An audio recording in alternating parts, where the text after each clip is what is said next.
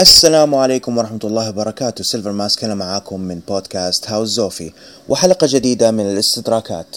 واللي ما يعرف الاستدراكات هي مشاركة فعالة لأحد مستمعيننا للحلقات سواء كان استدراك لمعلومة أو إثراء وإضافة جميلة للمحتوى. استدراك اليوم مع دكتورة أروى خميس وهي أستاذ مساعد في جامعة الملك عبد العزيز في كلية الفنون والتصاميم. وهي صاحبة دار نشر أروى العربية ولها أكثر من عشرين كتاب نشر للأطفال وللكبار.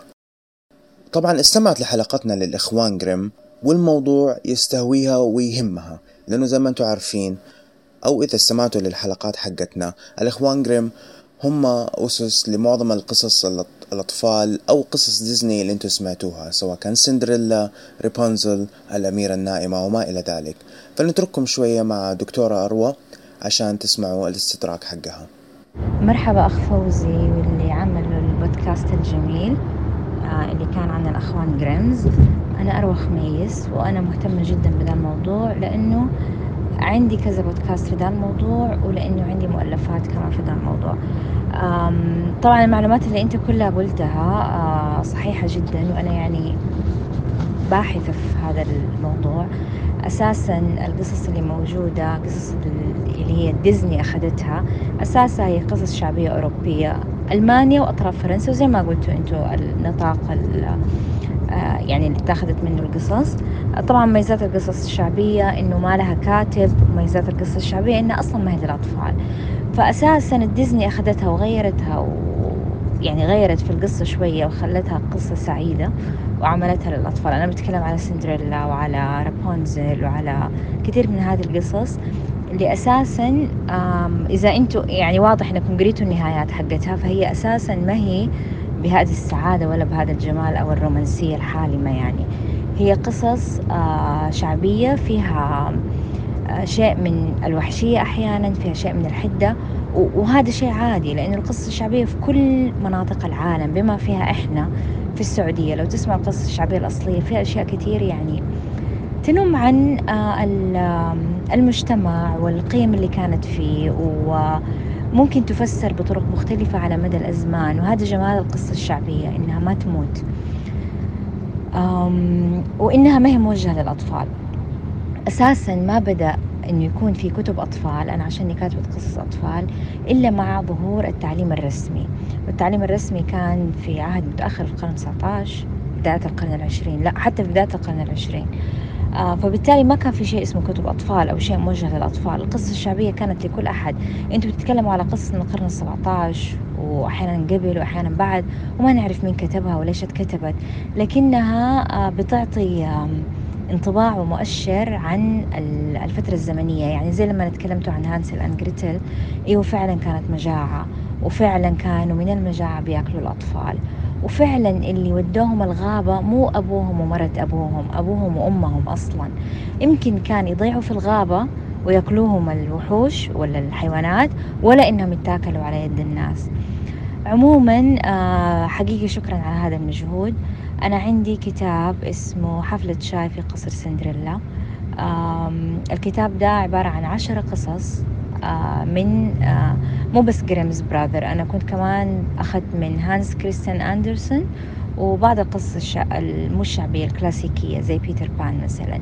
المهم إنها ما هي قصص حديثة وكلها هي قصص أطفال معمولة الآن لكن أغلبها قصص أو روايات كلاسيكية أو قصص شعبية which is ما هي للأطفال. آه فالكتاب اللي سويته أصلا يعني حفلة شاي ما هو للأطفال. هو للأطفال يقرأوه فوق 13 15 سنة.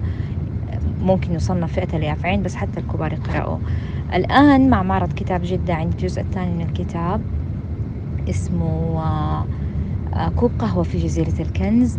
أتكلمت عن جزيرة الكنز سيلفر يعني. وعدد آخر من الروايات الكلاسيكية ورجعت كملت على Grimms Brother بعض القصص. يعني تكلمت مثلا عن الجميلة والوحش لأني ما كنت تكلمت في, الكتاب الأول. وأتكلمت عن ليتل ميرميد أو الحرية الصغيرة. وفعلا أنا كتبت إنه هي ما كانت النهاية سعيدة هي تحولت إلى زبد.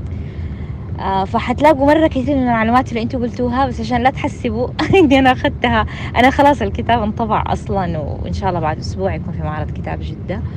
وزي ما قلتوا إنه هذه قصص شعبية وأنا دائما أتمنى آه، إنه قصصنا الشعبية يعني ممكن إنها آه، تتخلد بهذا الشكل. الفكرة بس إنه ديزني عرفت كيف تاخدها وتغير فيها شوية وتعمل منها أفلام وقصص فعشان كذا العالم كله صار يعرفها.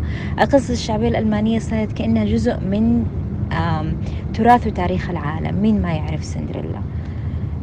آه بس وشكرا لكم. ودحين أحط لكم واحد من البودكاست أول بودكاست سويته آه هو كان يتكلم عن رحلتي أيام أنا كنت بكتب حفلة شاي الكتاب. رحت ألمانيا وزرت بعض القرى الألمانية وعملت رحلة كان مدتها 12 ساعة اسمها fairy tales trip كانت رحلة بديعة وكل الكلام اللي يعني آه، قرأته في Grimms Brother طبعا أنا قرأتها تقدر تشوف أسبابها وتقدر تشوف بيئتها و... ويعني والناس اللي المهم حط لكم البودكاست وأسمعوا. آه بالنسبة للكتابين حفلة شاي في قصر سندريلا وكوب قهوة في جزيرة الكنز.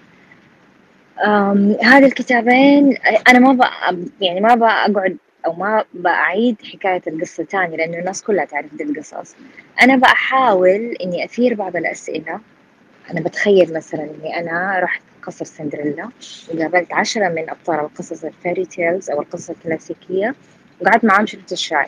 وعلى الشاي قعدت أسألهم أسئلة مرة كثير يعني مثلا سندريلا إيش مقاس رجلك؟ هذا النوع من الأسئلة يعني ب, ب رؤية آه، امرأة في القرن الواحد والعشرين. آه، كوب قهوة في جزيرة الكنز برضو أتخيلت إني أنا رحت جزيرة الكنز وقعدت مع سيلفر. و قعدت أسأله أسئلة. طبعا مو بالسيلفر سيلفر وعندي كمان جاك والفاصوليا وطرزان و... يعني عدد من من الشخصيات اللي الناس تعرفها أساسا في القصص الكلاسيكية اللي صارت جزء من زي ما قلنا كلاسيكيات العالم. وقريب إن شاء الله يعني يمكن على الأسبوع الجاي حنزل بودكاست في صوتي وصوت سيلفر. سيلفر حقيقي وحيد جلال. قابلته في لبنان وسجلنا مع بعض تسجيل. فإن شاء الله بإذن الله الأسبوع الجاي ينزل نشكر الدكتورة أربع مرة أخرى على الاستدراك اللطيف. وأنتم يا مستمعيننا إذا عندكم أي معلومات أو أي استدراكات أو حتى تبغوا تصححوا لنا معلومة قلناها في أي من الحلقات السابقة لا تخجلوا وتواصلوا معنا وتفيدونا ونفيدكم. شكرا مرة أخرى للاستماع وإلى حلقة جاية من الاستدراكات.